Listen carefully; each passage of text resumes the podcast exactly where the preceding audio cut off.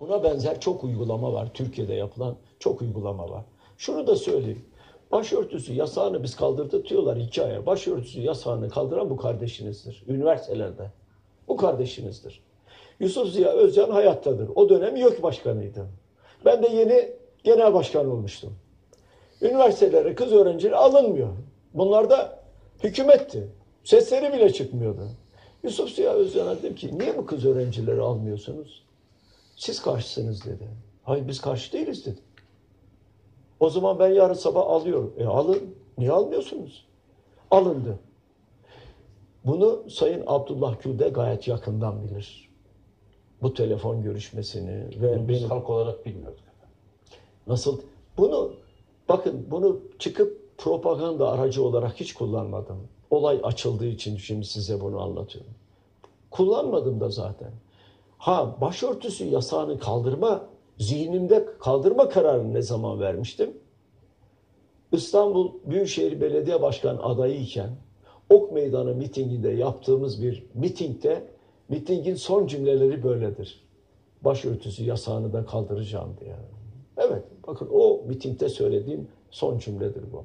Dolayısıyla bizim daha sonra milletvekilleri geldi. Biz karşı çıktık mı? Vay efendim niye şöyle olsun diye. Hayır, meclis iş düzünün değişmesi lazım o kadar. Değiştirdiler. Daha buna benzer pek çok şey var. Şimdi şöyle bir propaganda yaptılar arkasından.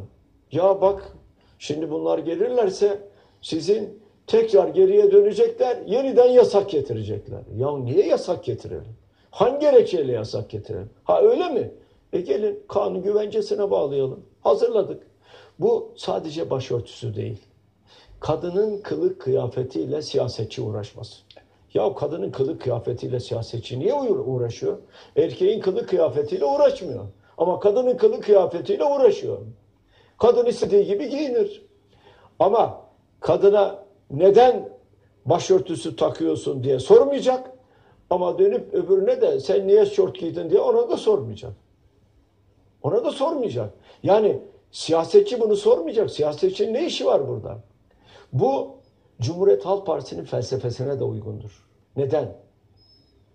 1935 yılında Gazi Mustafa Kemal hayattayken Cumhuriyet Halk Partisi'nin kurultayı yapılır.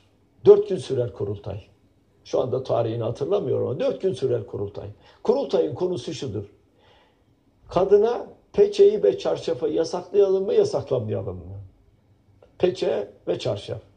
Dördüncü günün sonunda şu karara varılır. Kadının kılık kıyafetiyle uğraşılmaz.